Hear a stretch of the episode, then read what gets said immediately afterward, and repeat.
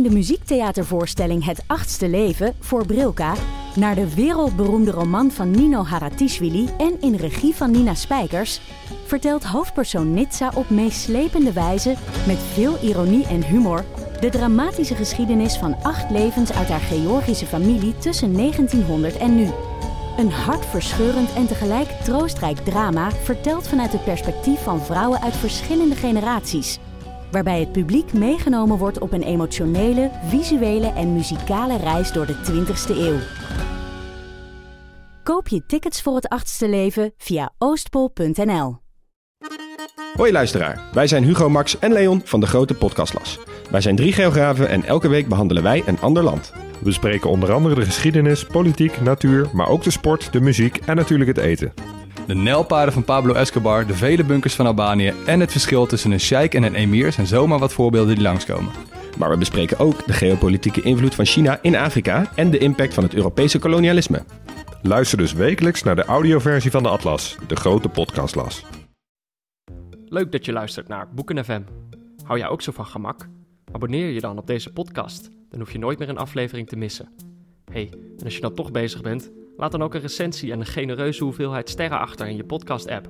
Dan kunnen andere luisteraars ons makkelijker vinden in hun podcast-apps en het geeft ons natuurlijk een goed gevoel van binnen. De leukste recensie wordt voorgelezen door Joost de Vries. Heb je een vraag of ben je onredelijk boos op ons? Stuur dan een mailtje naar boekenfm.dasmag.nl En wat ik ook jammer vind over die spreuken gesproken, dat eh, Harry in honderdduizend gevechten zit. En de enige spreuken die hij ooit doet is Stupefy en uh, wat Expelliarmus. is Expelliarmus. Weet je wel, meer ja. dan dat doet hij niet. Ja. Dan gaat hij zelfs het, het, het slotgevecht tegen hij die niet genoemd mag worden. En dan is het toch... uh, Stupefy, stupefy. Weet je, die man die heeft je hele familie vermoord en dan, dan wil je hem een blauwe oog geven. Nee, gewoon Avada Kedavra, motherfucker.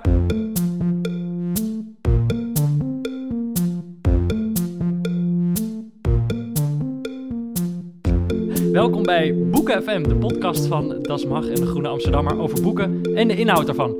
20 jaar geleden verscheen de Nederlandse vertaling van Harry Potter en de Steen der Wijze. Een verhaal van J.K. Rowling over de jongen die bleef leven, de tovenaar Harry Potter, die in de decennia die daarop volgden de aandacht van ontzettend veel lezers zou blijven vasthouden, tot op dit ene moment waarop wij drieën op de zolder van Das Mag erover gaan praten bij wijze van een kerstbonus eindejaars special. Zo heb ik hem genoemd. Joost de Vries, redacteur van De Groene, met het kapsel van een Malfidus. maar, de, maar de hartelijkheid van de Hufflepuff. Ja. En een Dekwits durf, moed en ridderlijkheid kunnen haar niet ontzegd worden. Maar ergens schuilt er toch ook wel wat sluws in haar. Ja. Eh, en eh, Peter Buurman, die heeft rood haar. eh, dus hij zal wel Ron zijn. of niet? Nee, Molly. Dan zal die Ron wel zijn. Molly. Je je zou ook wel een goede, goede Ginny zijn. Hij hoor. zal Ron wel zijn. nou, Ik vind dit zo leuk dat we ik dit vind doen. het zo, ja. Ik, wa- want weet je, terwijl ik dit weer aan het herlezen was, bedacht ik me wat een ontzettend fundamenteel ding. Ah. Werkt niet alleen voor mijn eigen lezen is, hoeveel lol ik er destijds van heb gehad, maar heel veel jonge mensen, en daar hebben we natuurlijk mensen die jonger zijn dan ik, wat bijna gewoon de hele bevolking van Nederland is, die hebben dit echt als deel van een culturele opvoeding Ja, ervaren. absoluut. Ja, ik Ja. ben daar wel eentje van. Ja, want ik denk dat het handig is dat we even onze generaties uiteenzetten. Ik ben uit 82, Joost uit 83 en jij, Peter, bent uit? 92. Oké, snel vluchtzout voor Joost. Anyway, ik wou in ieder geval... eh, Nee, luisteraars, welkom. Dit is, dit is de, de Harry Potter special. We gaan het over alle, alle zeven delen van Harry Potter hebben. In ieder geval gewoon het hele Harry, Harry Potter Universum. Fenomeen. universum. De films, de De toneelstukken. cinematic universe Yes. van eh, Harry Potter. Eh, ik wou in ieder geval beginnen met een disclaimer. Als je dit gaat luisteren en je denkt... eh, je bent een ongelofelijke fan van Harry Potter die alles weet... eh, en je bent een expert. Ik ben dat niet. Nee, ik ook niet helemaal, Joost. Ik weiger altijd toe te geven dat ik ergens geen expert in ben, wat het onderwerp ook is. Eh, maar eh, nee, ik, ik, ja, ik, ik heb die boeken... Nou goed, oké. Als we fouten maken, dan komt het gewoon... We zijn, We zijn ook maar mensen, we zijn mensen. Ja. In de eerste plaats liefhebbers, tweede plaats mensen. Ja. Ehm, de vraag waar we toch meestal mee beginnen, als het over boeken gaat, is toch: wat is je persoonlijke geschiedenis met Harry Potter. Eh, El- Ellen, wat is jouw, wanneer leerde je Harry Potter kennen? Eh, eh, nou, een verrekte schouder. Dit was, eh 19, nee, dit, was, dit was het jaar 2000 en ik studeerde even. Ik werkte voltijds in een boekhandel, Hilarisch Broekhuis in Almelo, staat nog steeds. En ik had nog nooit van Harry Potter gehoord. En op een gegeven moment zei ze van, ja, dit, dit wordt wel een beetje de hit. Toen was net deel 3 uit. Van, dit, dit, kan wel eens gaan aanslaan in Engeland gaat best wel goed hoor. En toen kwam een half jaar, laten we anderhalf jaar later, werd deel 4 vertaald. En nou, ik kreeg pallets van het Centraal Boekhuis. Ik werd toen op de expeditie. Dat wil zeggen dat je die boeken uitpakt en bestickert. Nou, ik had reuma in mijn handen. En weet je hoe zwaar deel 4 is? Dus ik denk dat ik al mijn babyvet ben kwijtgeraakt aan het inruimen van die Harry Potter. En toen begon ik het ook maar te lezen. En ik vond het echt heerlijk. Maar ik heb dus vanaf deel 4 moeten wachten ja. op hoe het nou verder gaat. Ja. Ja, en ik, ik heb, ook. Het, ik heb het dus tot deel 4 in het Nederlands gelezen. En daarna ben ik het in het Engels gaan lezen, omdat het sneller was. Dan wist En, je het ehm, eerder. jouw Ja. persoonlijke geschiedenis met Harry Potter, eh, Joost? Nou, ik had het... ehm, het gekke is dat je soms zulke specifieke dingen nog weet. Dat je jezelf helemaal in een bepaalde plek kunt verplaatsen... dat je weet dat je dat boek toen las. Ja. En ik was op de middelbare school een, een vroeg oude, eh eh pretentieuze jongeman. En ik, ik, dus ik was, zest- ik was 16, 17 of zo. En, of eh, misschien wel ouder zelfs. Nee, zes- 16, 17, zoiets. En ik las gewoon, ja, Sartre en zo. En A.F.T.A. van der Heijden. En ik vond echt dat ik dat moest lezen. En dat Harry Potter was me wel duidelijk geworden dat dat iets was. Maar daar wilde ik me niet aan overgeven. Maar goed, toen had ik, had ik bedacht van als ik ze dan in het Engels lees, dan is het Ah, nog wel verantwoord. Ja. En de eerste drie delen waren toen uit. En ik weet nog zo goed dat ik op mijn kamer bij mijn vader thuis zat te lezen. En dan had ik een soort van poef. Eh, en daar lagen al mijn, vieze, al mijn kleren altijd overheen. Want ik, ik had het idee dat als ik ze daar neerlegde, dat ze niet kreukten. Ja. Dus die legde ik er zo overheen. En dan zat ik met mijn benen op. En toen zat ik te lezen. En dat was eh, deel 3, The Prisoner of Azkaban. Waarin Harry dan eindelijk voor het eerst ehm, het Quidditch, het zwerkbaltoernooi wint. En dat ik het echt zat te lezen. Uit die bladzijde. Ja, ja, doelpunt, doelpunt. Ja. En dat ik tegelijkertijd... Maar dezelfde een soort van heel raar zelfbewustzijn had. Ik dacht van, dit slaat nergens op. dat ik zo meeleef met een boek. En toch zat ik echt te juichen gewoon. Ja. En dat, dat had ik toen uit. En toen moest ik nog een maand wachten, of een paar weken wachten, dat eh, deel 4 uitkwam. En daarna heb ik inderdaad jaren moeten wachten. En in mijn studententijd kwamen die boeken uit. Die verdere boeken, die laatste paar boeken. En dan ging ik dus inderdaad om, om 12 uur s'avonds naar de boekhandel. En om 1 over 12 mochten ze verkocht worden. Ja. Ja. ja, dat is dus... Ja, wat ik net al zei, ik ben uit 92. Dus toen, het eerste, toen deze Nederlandse vertaling uitkwam, was ik zes. Dus was ik hier echt... Nou ja, ik kon toen net lezen. Maar eh, nee, eh, vooral mijn, mijn zus kreeg toen eh, vrij, vrijwel direct die Nederlandse vertaling van Hoeveel, een tante. hoeveel jaar schil je met haar? Zij is 2,5 jaar ouder dan ik. Oké. Dus, eh, heet ze. Nee, eh, het staat, kijk, het staat nog in de, ik heb hier het boek bij me. Het staat nog in de voorkant. Rosemarie Buurman. Oh, dat Ah, is Marianne mijn heten. Nee, Oké. Rosemarie. Wat, doet, Eh, wat doet ze nu? Eh, eh, moet ik het wel goed zeggen? Ze is wijkverpleegkundige. Oh, wat goed. Ehm, ja, ik, nou ja, goed. Misschien, wil je er andere groetjes doen, of niet? Eh, ik, dit zijn denk ik de laatste boeken die ze echt nog intensief heeft gelezen. Oh. Ehm, Dus ik denk niet dat ze dit luistert. Maar misschien wel. In dat geval, Roos, leuk dat je luistert. Heeft, heeft ze ook rood haar? Ja. Oké. ja, dus het is altijd... eh, Jammer. daar, daar, rood haar wil ik straks nog iets Ja, daar gaan we uitgebreid, over haar hebben. Mijn, eh, we kregen dit van een tante die, die vaak in, eh, in, in Engeland kwam. En eh, echt wel een anglofiele tante. En die had het toen gegeven aan haar. Zo van, ja, dit is gewoon de hit in, in Engeland. Toen was alleen het eerste boek nog uit, volgens mij. Oh. En mijn zus heeft dus vanaf het eerste boek... Zij was er echt aan verslingerd. Haar feestjes waren ook Harry Potter feestjes. En zij is dus ook echt van boek naar boek. Zij ging elke keer dan om 12 uur naar de boekhandel met, me, met mijn ouders. Interessant. En Ja. Ik ben het dus denk ik iets later pas gaan lezen, want ik was al een beetje angstig aangelegd. Dus toen, deze werd nog een tijdje voor mij bewaard. Ehm, maar wat ik me vooral nog kan herinneren, want wel leuk wat Joost zegt, van, op een van opeens kan je dan nog wel herinneren waar je het zat te lezen. Wat ik me nog herinner is, ik fietste, ik moest elke ochtend ongeveer een half uur naar school fietsen. En dan onderweg fietste ik steeds langs eh, een van mijn vrienden met wie ik dan ook eh, naar school kon fietsen. Die groep werd dus steeds groter. En we waren allemaal, waren we dat boek aan het lezen. Tegelijkertijd, volgens mij was het een van de latere versies. En eh, ja, jullie zitten weer te geinen met z'n tweeën. ik zit hier gewoon mijn jeugd... eh, Nee, ga, ga door over je jeugd. sorry, sorry. Maar jullie gaan dan gebaren, dan weet ik niet waarover het gaat. Dit is een podcast. Het is een podcast, dit moet serieus zijn. Nee, maar nee, dit is een door. podcast. Dus dan luisteraars horen alleen dat ik ga stotteren. Maar die zien je niet dat jullie aan het, aan het kleren zijn. Nee, weet je wat? Ik weet nog. Nee, oké, ik ga mijn verhaal Nee, ga gaan door, afmaken. ga door. Ik wil meer weten Nee, over wij, je wij, jeugd. wij zagen echt Vertel voor dat jij en die vrienden elkaar aan het potteren waren. Maar Nou, vertel oh, even, ja, Dat nou, was een soort waar potteren, maar dan... waar was deze jeugd? Waar speelde deze jeugd ja, Eindhoven. Ellen komt uit Almelo, Ik ik, fietste kom van- uit Heergewaard. Oh, Ja, wat een mooi... Borne, Borne. Wat hebben we een mooie driehoek in Ik eh, fietste door- van- Ja, zo'n Bermuda-driehoek, Ik vind jou helemaal geen Brabander. Nee, nou, dat is een lang verhaal. Nee. Ik, ik fietste vanuit Veldhoven naar, ik fietste vanuit Veldhoven naar Eindhoven. Slanker. Ik zat in Eindhoven op school. En onderweg eh, woonden al die vriendjes. En dan we waren allemaal tegelijkertijd hetzelfde boek van Harry Potter aan het lezen. En dan waren we op de fiets, hadden we het over dat verhaal. Weet je, één jongen was dan net iets verder. En die zei dan, ja, er gaat iemand dood. Maar ik zeg niet wie. En eh, we hadden het gewoon allemaal over dat verhaal. En gewoon dat idee, dat je als vriendengroep Ja. allemaal hetzelfde boek aan het lezen bent. Dat ik daar nu aan terugdenk, dan ontploft mijn hoofd echt. Het was al- zoals je nu een Netflix-serie beleeft Ja. of zo, dat mensen dan zeggen: Heb je Breaking Bad al gezien? Toen, als Ja. weet ik veel, ik weet, weet niet Ja, precies het- we waren. Dat met mijn zusje zo had ik het ook. En ook zeker bij die latere paar boeken, eh, toen studeerde ik al, maar dan ging ik dus, je had een paar van die internet-sites, van die enorme eh, fora, waar je dan zo kon praten met iedereen erover. Daar heb ik echt, daar heb ik bij- nergens bij gedaan, maar daar deed ik dat dus. Er waren allemaal theorieën over wat er in het volgende boek ging gebeuren. Ja, En ook wel op een gekke manier, want je hebt dan een soort van wisdom of the crowd, die dan bijna de schrijver kan inhalen. Ik bedoel, ik heb het ook Ja. eens met tv-series gehad, Ja. dat dan op die internetfora eigenlijk het plot al helemaal voorspeld wordt, omdat gewoon alle puzzelstukjes Ja. worden gelegd. En dat ze statistieken erbij halen. Want je hebt net is er, is er on- hebben een groep wetenschappers die hebben bekeken naar wat de omstandigheden zijn waarin je bijvoorbeeld in Game of Thrones stel, snel sterft. Ah. Je bent hooggeboren, je bent wit, je bent een man, nou weer daar ga je al.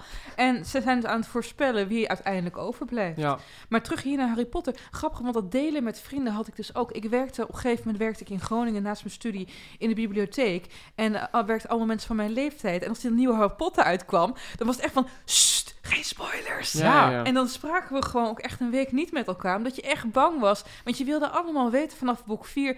Is Snape evil? Is Marcel Lubbermans of Long, eh Longfilm... Longbottom. Longbottom, Longbottom. Neville Neville Longbottom. Is hij nou de gekozen of is het Of toch... Harry, Har- ja, precies, precies. En, en natuurlijk gewoon het shippen. Eh, gaat Ron shippen, eh, relationshippen, zo wordt dat, shippen, wordt dat genoemd echt de, op de had. Nou, Oh, is ja, shippen, ja, Eh, ja. shippen, ja. Eh, dus je hebt shippers eh, in bepaalde categorieën. Dus je hebt de, de Ron en Hermione shippers. Maar je had ook de Harry en Hermione shippers. Oh, ja. En zo had je allemaal eh, dingen. Dus dan zit je heel erg te denken van, gaat, gaat het nou gebeuren, gaat het nou niet gebeuren? Oh.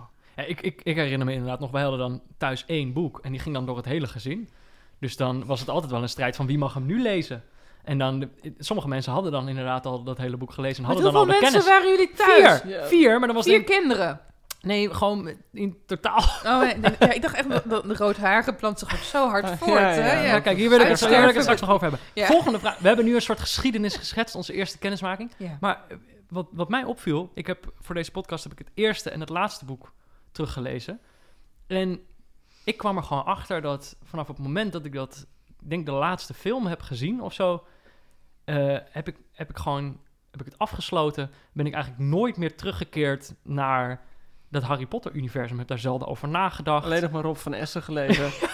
Ja, ik denk, ja precies. Maar dus de- gewoon het, terwijl ik heb daar echt zo'n groot deel van mijn jeugd Ja. eh, heb, ik, heb ik in die verhalen gestopt. En, en alles speelde zich daar rond af. En gewoon op een gegeven moment is dat verdwenen. En ik kwam er pas weer achter dat dat zo was toen ik dit nu weer ging lezen. Maar hoe is het bij jullie?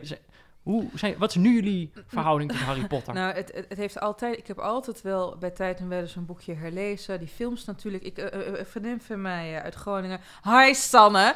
Die, die kijkt alleen maar deze films. Gewoon een soort van mentaal soort EMDR. Van, oh, dan wo- voel ik me weer relaxed. Dan weet ik precies wat er gaat gebeuren. En ehm, het is wel zo... Want nu, nu, nu heb ik het voor deze podcast opnieuw gelezen. Intensiever en zo. En je beseft opeens wat voor deel het ook uitmaakt van je belevingswereld. En ook, dat was ik vergeten, hoe ontzettend vol lol het was. ja, Ja. Ik vind het zo fucking Ja. grappig, jongens. Ik heb het echt alleen al vanwege die humor. Ja. maar het is... Nee, maar het, het is inderdaad echt iets dat gewoon 15 jaar met je meegelopen heeft. En ik, Ja. ik heb die boeken... Ja, dat klinkt, klinkt pathetisch, maar ik heb ze echt vier of vijf keer gelezen. Ik heb gewoon elke keer als er dan Zeker in die latere jaren, dat je heel lang moest wachten tot er een nieuw deel uitkwam. Ja. En ik wist van, oké, over een maand verschijnt het nieuwe deel. Dan ging ik in die maand de voorgaande boeken nog een keer lezen. Wauw. Ja. Dat ik er gewoon zo helemaal in zat. Dus sommige boeken heb ik echt keer op keer gelezen. Ja. En, en ehm, daarna kwamen natuurlijk die films uit, weet je. Dus dan, dan werd het weer langer opgerekt. En daarna kwamen nu die... eh, nou, je hebt dat toneelstuk is natuurlijk uitgekomen. toneelstuk heb ik niet gezien, maar wel de tekst gelezen. Ehm, daarna, nu heb je die films over The Crimes of Grindelwald... en Fantastic Beasts and Where to Find Them. Dus het, het loopt gewoon door. Ja. Ja, maar ik En- heb- ja. Ja, en ik heb dus laatst, de afgelopen weken voor kerst... heb ik heel hard moeten werken. Gewoon eh, honderdduizend dingen moeten af. Nou, jullie kennen het wel. En toen heb ik ook, omdat ik wist dat we deze podcast moesten maken... heb ik ook die films gewoon weer opnieuw aangezet. Oh, wat grappig. En het is een soort van dus comfort... niet het boek lezen, maar gewoon de film kijken. nou, het is een soort com- comfort food, is het Ja. bijna. Ja. Het is gewoon bekend, het is gewoon vertrouwd. eh, je houdt op een bepaalde manier van alle personages... omdat je ze al zo lang kent ook. ja, Maar het dat, hetzelfde als je nu Friends aan, aanzet of zo. Weet je, dat je denkt, oh ja, maakt ook niet uit wat ze doen verder, maar dat, ze zijn er gewoon. ik heb wel een beetje... Ik ben dan... eh, dat gevoel heb je ook als je dan de, de Fantastic Beasts of zo bekijkt. Dan heb je ergens ook dat gevoel, dat warme comfort gevoel. En daar ben ik dan meteen wantrouwig tegenover of zo. Dat ik dan denk van, oké, dat, dat Harry Potter verhaal is afgesloten... Eh, en wat ze nu eigenlijk doen is dat gevoel gaan ze dan nog presenteren aan mensen die daar vroeger fan van waren of zo. Terwijl nu ik dit allemaal weer teruglas, dacht ik, ja, je hoeft eigenlijk helemaal die nieuwe films of zo. Het hoeft misschien niet zo nodig. Het is net zo leuk om ze gewoon om gewoon het, echte, het echte werk weer terug te gaan, terug te gaan lezen in plaats van, ik, ja, ik weet niet, ik ben toch niet zo heel erg weg van die, die, die uitbreiding van dat Harry Potter universum wat nog steeds bezig is. Daar ben ik toch niet zo toneelstuk zou ik wel willen zien, gewoon om te zien hoe dat op het toneel precies gebeurt. Ja. Maar het schijnt ook echt geweldig te zijn. Ik bedoel, Ja. het heeft alle Tony Awards gewonnen. En, eh, het heeft overal alle mogelijke prijzen gewonnen ongeveer. ja, Het schijnt echt geniaal te zijn. maar die, die nieuwe films, daar, daar, daar word ik toch een beetje wantrouwig van. Of zo. Dat doet toch niet zo, ja, eh, of niet echt iets met me. Ja, wat ik, wil- wat ik zou hebben, en dat vind ik het jammer met die nieuwe films. Al zou Rowling nou een nieuwe boekenserie beginnen over Fantastic Beasts Where to Find Them. Geweldig. Eh, ik zou het meteen lezen. Alleen, dit zijn filmscripts, die schrijft ze ook zelf. En zeker bij dat, dat tweede deel, The Crimes of Grindelwald, een paar weken teruggezien. Aan de ene kant zag je gewoon dat er allemaal van die typische J.K. Rowling-achtige achtergrondverhalen in zaten. En dat het, het plot heel nadrukkelijk in elkaar zat. Dat het weer zo'n heel lange familielijnen zijn. Eh, maar omdat het alleen het film is en niet het boek, zie je gewoon hoe kort alles aangestipt wordt. En, en mis je wel echt de ervaring van dat boek lezen. Oh, mee eens. Totaal mee eens. Het, het, het, die laatste film doet daardoor ook ontzettend gehaast af aan. Het is een enorme informatie die gaat. Af en toe duizelde het me ook een beetje. En ehm, dat is jammer. En eigenlijk geeft ze daarmee ook een teken af. Dat het in deze tijd, dat je maar beter een film zou maken dan een boek zou schrijven. Ja, of, maar zou het dan niet toch... Want ik dacht Het zou eigenlijk... een succes zijn hoor, als een boek weer uit Ja, maar zou het niet ook het een... Ja, ja, ja. Ik had, ik had bijna het idee, kijk, dat hele gevoel van wachten tot er weer een nieuw boek komt, met elkaar praten over wat erin staat of wat er nog gaat gebeuren. Dat lijkt zo op hoe, de, hoe je nu eigenlijk vooral over series praat of zo. Dat ik bijna Ja. dacht, zou het niet, altijd niet veel beter, die hele Fantastic Beasts eh, film, zou dat niet gewoon een hele goede eh, Netflix-serie geweest kunnen zijn? Nee, het is nu een bioscoopserie? De- vijf delen. ja, maar een film is toch gehaaster dan een aflevering. Absoluut, Ja. absoluut. Ja, het zou Het zou ook Ja, en ik, ik kan me niet voorstellen dat als ze zich bij Netflix zou melden, dat Netflix niet zou zeggen: Oké, hier heb je 500 miljoen, ga maar 20 afleveringen ja, veel plezier. Ja. Ja, ja. Nou ja, dat, dat, dat ik... Weet je wat mij opviel? Eh, toen ik heb, ik heb dat eerste boek ging dus teruglezen. Ik heb dat dus één keer gelezen in mijn leven. En dat is echt, eh, nou ja, 15 jaar geleden of zo. En, eh, ik, ik, en het was totaal anders dan dat ik me herinnerde. En misschien komt dat, het er doordat anders daar- aan? Nou, misschien komt dat, dat doordat er daarna allemaal nog boeken gekomen zijn die heel veel ingekleurd hebben of zo. Maar het was, nou ja, sowieso veel meer, nog, veel, nog meer een kinderboek Ja. dan ik dacht dat het al was. ja, heftig hè? Ehm, en eh, het is, het, ik vind het echt een beetje, als je dat eerste boek leest, dan vraag je echt af, eh, hoe is het in godsnaam mogelijk dat, ze, dat het daarna, wat het daarna allemaal geworden is, dat, niet dat het per se allemaal hier al in zit of zo. Dat je denkt van, oh ja, in dat eerste boek kun je al zien dat dit een fantastische serie gaat worden. Je, je, Ja, toch had ze natuurlijk wel zo bedacht al. ja, voor een deel had ik ook het gevoel dat ik, toen ik het las, dat ik dacht van, het, het, het kan ook een one-off zijn of zo. Dus het kan ook gewoon dat niet die zes delen nog volgen. Dat kan ook. Dan heb je ook een, ook een verhaal gehad. Ehm, dus Ja, maar dit is natuurlijk... Sorry, jij mag ook praten, Ellen. Oh, wat fijn, Joost. Dankjewel. Mag de microfoon van Joost uithalen? Dankjewel. Ehm nee, maar, maar, maar dat vind ik het fijne van die hele serie. Het zijn one-offs, maar tegelijk al die deels kunnen ook in zekere zin op zichzelf staan. Dat ze wel allemaal een eigen plot hebben. Hè? Dat- Eigen spanningsboog. Precies, en over die spanningsboog gesproken. Ik denk dat het een van de grote succesdingen is van Harry Potter. Het zijn ook whodunits. Het zijn detectives. Je hebt Ja, altijd een twist. Totaal. Ja. Dat op een gegeven moment de dader blijkt te zijn. Van! Scabbers, weet je wel? Die Ja, ja. Je denkt! Dus, dus dat, dat, zullen we het over hebben waarom we het eigenlijk zo goed vinden? Of het klinkt wel te veel als Nee, Matthijs laat- van Nou, Nieuwkerk die nou, een nee, praatje Mag ik nog heel even over dat eerste boek? Een Ja. van de dingen die er bijvoorbeeld helemaal niet in zit, of heel weinig, is Seks. omschrijving van de seks en omschrijving van de eh, omgeving. Dus, ehm, en, en ik dacht zo van, in dat eerste boek zal wel dat hele kasteel zich voor je ontvouwen. En heb je gelijk een beeld van hoe alles eruit ziet. Er wordt heel weinig omschreven hoe dingen eruit zien. Het is echt, het is echt gewoon een verhaaltje. Voor je het weet staan ze in die, eh, in die geheime kamer. en eh, staan ze te schaken en op een bezem te Maar vliegen. goed, als, als je het er dan over hebt, van waarom het zo goed is, want daar moet- moeten we het inderdaad over hebben. Kijk, die boeken groeien, en dat is natuurlijk de, de, het dubbele dat erin zit. De boeken groeien met, met Harry, het personage Harry, mee. Ik bedoel, het eerste boek is ook een kinderboek en het laatste boek is hij volwassen. En die boeken groeien mee in complexiteit en in duisterheid. eh, in donkerte, in zwaarte van het verhaal, in, Ja. in de serieusheid van wat er gebeurt. Ik bedoel, in het begin is het allemaal nog heel braaf. Op het laatst gaan er gewoon bosjes mensen dood.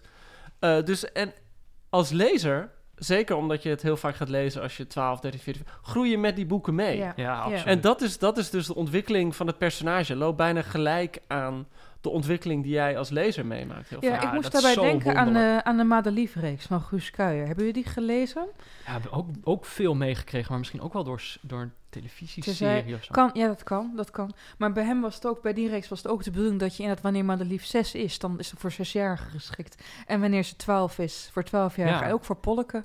Ja. Dus, dus eh Ja, maar dat is echt... Ik heb dus, geen dus. dat En- ik dus het ze- ik ging dat zevende boek inderdaad lezen. Dat contrast is gigantisch. Ja. Het is Ja. echt een totaal... Maar dat is echt heel knap. Je kan ook denken, ik schrijf de hele serie eh, in één vorm of zo. Dus Ja. het blijven altijd maar die kinderboeken.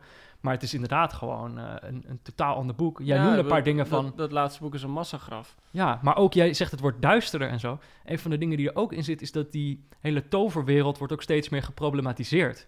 Er zit bijvoorbeeld in, in, die, in het zevende boek zit een scène waarin dan gaat het over Goderic Gryffindor. eh, wat altijd een soort held en voorbeeld is geweest. En er wordt dan over opgemerkt dat, dat dat zwaard dat dan van hem is, dat hij dat eigenlijk heeft gestolen van de kobolden en zo. Dus juist zeg maar die oude iconen, die heel lang niet problematisch zijn geweest. in En de van een onaantastbaar. kind. Ja. Ja, precies. Dat dan opeens wordt gezegd van ja, als je, als je iets meer weet over die toverwereld, dan is iemand helemaal niet zo'n icoon. Zo, Ja, er goed, is maar eigenlijk veel meer mis mee. D- dat is denk ik ook wel. Je zei net van het eerste boek wordt, wordt ehm, eh, Zwijnstein een stuk minder uitgebreid beschreven dan je misschien zou denken.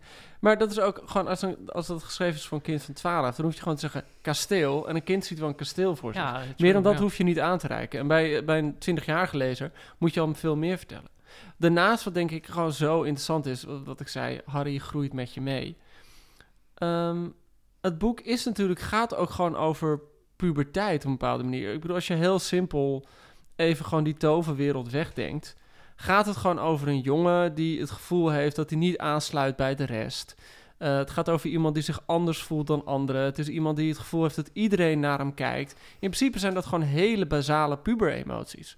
Ik bedoel, dat, dat is altijd zo makkelijk aan, aan Harry Potter. Als je creative writing geeft, zeg ik vaak een tip van denk goed na over de naam van je personage. Want dat zegt heel veel over hem. En het is ook heel grappig dat hij Harry Potter heet. Terwijl alle andere personages hele Ja. rare namen hebben. Heeft hij de meest normale naam die je kunt bedenken. Fun fact, geen geintje. Ik zat in Heergewaard op school, eh, op Huigwaard. Ho. En op een andere school in, in Heergewaard. De jongen genaamd Voldemort. Nee, Oh. eh, daar was de, op de andere school, Hanfordman College, heette de conciërge Harry Potter. Ik maak geen geintje. Die man heeft ook in alle kranten gestaan. Had hij een bezem? Hij had, ja, hij had een bezem, want hij was conciërge. Ik heb nog, ik heb nog iets met zijn dochter gehad. Heel even trouwens. Hoe heet zij? Eh Wietske. Wietske Potter. Even allemaal opzoeken. Allemaal. Leuk Joost, wat een fun fact. Maar goed, die mans leven is denk ik gewoon vernietigd. Eh, Ja, het door, is- door die boeken. Klopt wel, zo'n heel simpel... Het is gewoon Jan de Vries, de tovenaar. Ja, nee, dat is het. Eh, Jan, ja, inderdaad. Jan Dus hij, is, hij voelt zich de hele tijd... Dus in bepaalde manier ook hoe hij naar meisjes gaat, hoe onhandig hij is in sociale situaties. Het feit dat hij niet tegen leraar durft op te komen. Ik bedoel, zelfs zonder die toverwereld is het gewoon een super herkenbare, heel toegankelijk en ook wel gewoon origineel beschreven gevoelswereld van een puber. Ja. Nou ja, en eigenlijk, eigenlijk best wel een standaard narratief. Want ehm, als je bijvoorbeeld... eh, ehm, je, je hebt het werk van Joseph Campbell. Dat is een, eh, was een Amerikaanse specialist in vergelijkende mythologie... en andere sociale wetenschappen. En eh, eigenlijk is het verhaal van Harry Potter... standaard blauwdruk voor een heldenreis. Dus je Mhm. hebt iemand... de held staat op, de held komt in een vreemde wereld terecht... de held komt een probleem tegen, de held krijgt een zwaard... Letterlijk hier in het geval. De, de, de held staat op uit de dood. Nou, gebeurt ook redelijk. En een keer weer terug naar de normale wereld en sticht een gezin. Dus, dus eigenlijk is, is de blauwdruk hiervan niet eens zo heel bijzonder. Maar toch lezen we dit allemaal. En ehm, misschien kunnen we nu wel hebben over waarom, waarom we het goed vinden. Dus Mhm. ook wel waarom we het slecht vinden natuurlijk. hè, Want Ja, geen, dat komt ook nog, komt ja. wel. Maar ehm, wat ik dus echt allerleukste vind van deze hele reeks... is niet eens de verbeelding en dergelijke... maar ik vind de humor. Ja, jij noemde dat net. Dus, eh, Wat dan bijvoorbeeld? Jongen, nou, allereerst heb je dus de, de tovenaars, die hebben geen idee van de dreuzelwereld, van de mensenwereld, waardoor ze allemaal een beetje wereldvreemd zijn. Je hebt, eh, op een gegeven moment moeten ze zich vermommen als mensen. Dan loopt er een tovenaar rond die een kilte draagt met daarboven een poncho. dat vind ik echt fantastisch. Of dan heb je, ehm, je hebt meneer Wemel, hè? Eh, de, de vader van Ron en nog 15 andere kinderen. En die werkt op het ministerie en die heeft een obsessie met alles van menselijke voorwerpen. Dus in het laatste boek stort die motorfiets van Hagrid neer. En hij duikt er meteen op, roept niet van, is iedereen in orde? En ik, oh, dit is interessant. Ja. Is dit nou een uitlaat? Nee, en dat is wat natuurlijk ook heel grappig is, is dat eh, die toverwereld natuurlijk ook gebruikt om, om gewoon heel veel grappen over de, de, de muggle, de, eh, de dreuzelwereld te maken. Over onze wereld. Gewoon dat dan bijvoorbeeld is er iemand gewond en zij doen maar een toverstapje. En dan wordt op een andere plek uitgelegd van ja, hij moet gehecht worden. En dan vragen ze wat, wat zijn hechtingen? En dan Ja. wordt dat beschreven. Dan zien ze dat soort van middeleeuwse martelmethode. Ja, ja, Ehm, ja. ja, maar ook bijvoorbeeld heb je eentje, het zit, er zit een andere eh, volbloed eh, muggle op school, Daan Huppeldepup. Die is helemaal fan van voetbal. En die kinderen snappen er niks. Wat? Wat is voetbal? En bij een andere pureblood familie, dan hebben ze dus één snul. Dat is dan iemand uit een pureblood familie die dan niet kan toveren. En daar schamen ze zich voor. Wat is die? Is advocaat of zo. ja, ja. Nee, en, en zoals, Maar- Hermeline een keer moet uitleggen dat haar ouders Standaard. zijn. Dat snapt ook niemand. Maar het is, ik, dat viel me dus ook op toen ik dat eerste boek ging herlezen. Het was veel lolliger Oh dan ik had god, gedacht. de ge- tuinkabouter vrijmaken. Wat een feest. Maar ook bijvoorbeeld, dan, dan zitten ze in die grote hal. En dan zitten ze al de hele tijd naar perkamenten te kijken. En Harry heeft die net op zo'n toverkaartje gezien. Dus die denkt dan ook van, oh ja, dat is die grote tovenaar. Die staat dan op een gegeven moment op. En die zegt, ik wil nog een paar woorden zeggen. eh, of woorden tot jullie richten. En dan zegt hij uiteindelijk glas, computer, eh, Ja, fles. En zo totale, echt eh. Een soort stijlbreuk. Een heel Ja, flauw grap. En je hebt dat moment eh, in, die eerste, in, de, in het eerste boek... Dat, Harry, dat ze in die dierentuin zijn op de verjaardag van Oh, Dirk ja. of zo. En dan op een gegeven moment, dan Harry maakt contact met een slang, Slang. en dan verdwijnt dat, glas. glas. ertussen en dan ontsnapt die slang. En dat is in de film, is dat in ieder geval in mijn herinnering, een soort, een soort, wel een soort intense scène. Best wel eng, spannend. Terwijl in dat boek is het alleen maar lollig. Ja. Hij, hij kletst een beetje met die slang. bedankt, hè? Ja, die slang Ja. zegt toedeledokie, Ja. ik ga naar Brazilië of zo. Ik wist echt niet wat ik las. Ik dacht, dat meen je toch niet? Maar En- maar die lolligheid wordt later echt wel, nog echt wel be- de betere ja, precies. humor. Ja. En ook hoe die personage... Kijk, ehm, deze reeks wordt ook gekenmerkt door heel veel lijden. Hè? Weet je wel, er gaan mensen dood worden, mensen gemarteld. Maar ook heel veel leedvermaak. Als we alleen naar huiself Dobby kijken... die wanneer die ontrouw wil zijn... en daardoor trouw aan zichzelf... zichzelf begint te automutileren. Ja, ja. Sorry hoor, maar als kinderen Ja. vind je dat geweldig, Ja. die gemene dingen. De tweeling... George en. Fred, nou, dat is gewoon Laurel en Hardy, maar dan één eier. Op een gegeven moment, hilarisch. dat is in dat laatste verhaal, dan die een, een van die twee broers is zijn oor kwijt. Ja, ja. En die ligt dan in bed. Extreem intense scène. Het is al 40 pagina's, is het bloedserieus. Ja. En dan, hij, hij brabbelt een beetje iets en dan mensen zijn dan zo, oh, joh, hij, hij, hij leeft nog of zo. En dan uiteindelijk zegt hij dan zoiets tegen zijn broer, waarvan hij eerst nog dacht dat hij dood was of zo.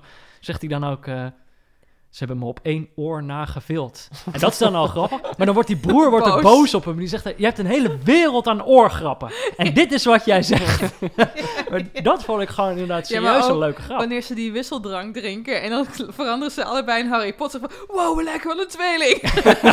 dat, soort, dat soort, ja goed. En, weet je, en dat zorgt ook voor een heel interessant contrast. Want zonder die humor zou je de boeken eigenlijk te gruwelijk voor woorden zijn. ja, ja, ja. Want op een gegeven moment heb je Professor Umbridge. Ja, dat is dus echt het gevoel Ja, ja, van ja, dat, die, dat, je, dat Harry Potter, ik mag niet liegen, in zijn hand of op papier moet schrijven. Terwijl tegelijkertijd met elke pennenstreek het in zijn hand wordt gekerst, soort betoverde ganzenveer. ja. Een paar boeken verderop, dan, dan, dan, dan denkt hij aan het ministerie, omklemt hij zijn vuisten en dan ligt die littekens wit op. Ik mag niet liegen. ja. ja. Goed hoor. Gruwelijk hoor. Ja. Gruwelijk. Ja. Hey, eh, er, zijn ook, er is een eh, vraag naar buiten gegaan of mensen ons vragen wilden stellen met betrekking tot Harry Potter. Specifieke luisteraarsvraag. Dus is- moeten we even van, hé, hey, daar is het van. Nou, dat is toevallig. van Precies Hey, aankomen. Twan. Het is net alsof we een producer hebben. Ja. Toeval. nou, Twan, zou je misschien... eh, we hebben één vraag, toch? Eén Harry Potter vraag. Die an- ja. Hallo FM'ers. Ja, eindelijk is Harry Potter aan de beurt. Leuk hoor, al die nieuwe literatuur en diepteanalyses van Joost. Maar als lezer heb je soms ook comfortfood nodig. Nu, wat ik wilde vragen. Welke toverspreuk zou jullie wel goed uitkomen in je leven? Groet, Simon. Avada Kedavra. Crucio! Crucio! Nee, en anders Axio. Axio Diamant. Ja. Weet je, er is toch iets met die spreuken. Axio Penis. ja, maar gewoon... eh, ik, ik zou dan eerder gewoon die... Ik zou wel heel graag die onzichtbaarheidsmantel eh, kunnen dragen. Ja, had gewoon toch de- helemaal niet De nodig. hele dag achter Ellen aanlopen. En Kijk nee, weet je wat ik toch een beetje heb met die spreuken? Is, ehm, som- eh, soms snap ik niet helemaal wat die spreuken precies doen of zo. Dus dan, er zit in dat laatste verhaal, zit er dan, en dan, dan, dan zit er een moment, dan zit, zit er een paar dooddoeners achter ze aan. Oh, En dan betovert, nee, dan betovert Hermeline de trap. En dan roept ze zoiets als eh Glyceo, roept ze dan. En dan wordt die trap wordt glad en dan glijden die dooddoeners glijden zo die trap af. En dan tovert ze een muur waar ze dan zo plaf, tegenaan klappen. Maar dan het feit dat die spreuk dan Glyceo is en dat ze dan gaan glijden. Terwijl ik denk, wat is dan de mechaniek van die spreuk?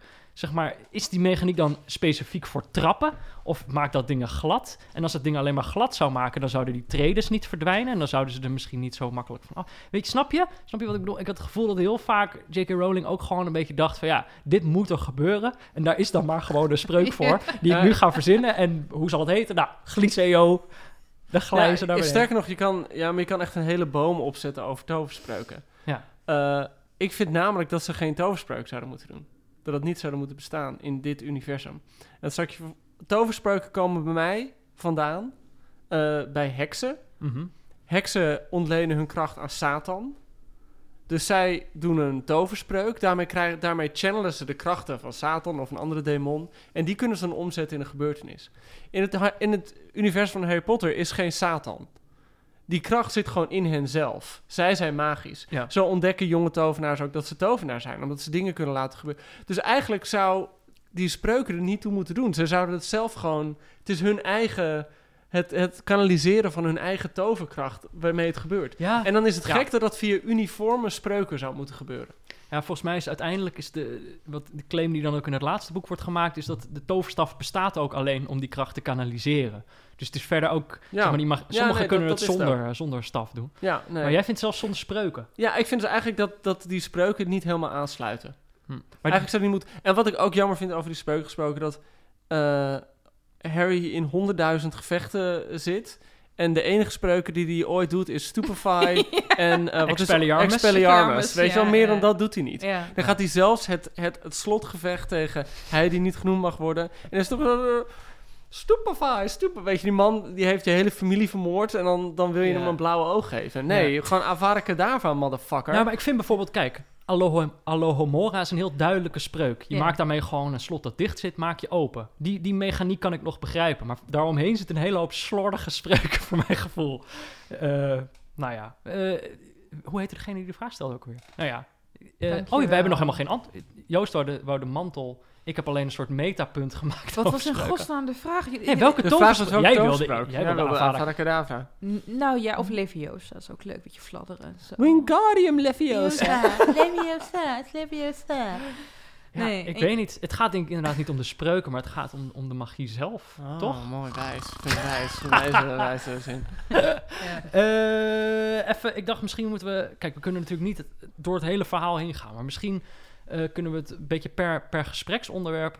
kunnen we er doorheen gaan. Dus gewoon dingen over het hele oeuvre of het universum of, of dan ook. Eh, is, er- is er iets waar jullie mee willen beginnen? Ik zie dus, ik, ik, ik kan meekijken op het beeldscherm van, eh, van Peter. En dan staat er een kopje, kopje 3.0 is diepgang. en, en dan is 3.1 Zo heb ik al is Ja. het probleem met rood haar. Ja, moet ik dat zeggen? Maar Is dit het punt? Oké, ik- Dit is het probleem. Ja, oké. rood nu haar, komt het go. probleem. Het. Ehm, Beschrijf Misschien je... handig misschien- nee, voor, voor, voor de blinden of mensen Ja. die niet weten wie we zijn. Kijk, wij zitten hier natuurlijk qua haarkleuren zijn we verdeeld als Charlie's Angels. Hè? Joost is, eh Joost, oh, Joost is zo blond als een Hit- Hitlerjugendkind. Ik ben gewoon mooi donkerharig. En Peter is, ja, rood. Gewoon Ja. rood als een, als een net geharste Ik heb- balzak. ik heb rood... het zijn Joostse woorden. Eh, ehm, kijk, ik had... Sorry. Ik, ik had als kind had ik ook al rood haar. Ik heb gewoon mijn hele leven rood haar gehad. Kinderen... ik heb mijn hele... Oh, nee, het kan toch dat je als kind blond bent en dat je later pas rood Ja, haar oké. Nou, ik was als kind trouwens roodharig, maar het is goed gekomen. Ja, Oké. maar in ieder geval, kijk, kinderen vinden dat sowieso al heel interessant. Eh, iemand heeft rood haar, dat is anders. Dus er worden altijd grapjes en opmerkingen over gemaakt. Op een gegeven moment komt Harry Potter. Daar speelt eh, niet één roodharige in, maar een hele roodharige familie. Die hebben allemaal hebben die rood haar. Dit is ook een beetje een slonzige, arme familie. Ze wonen in het nest, zo heet het letterlijk. En voor mij was dit een van de, de, de meest cruciale voorbeelden. Kijk, iedereen ging mij vervolgens Ron Wemel noemen.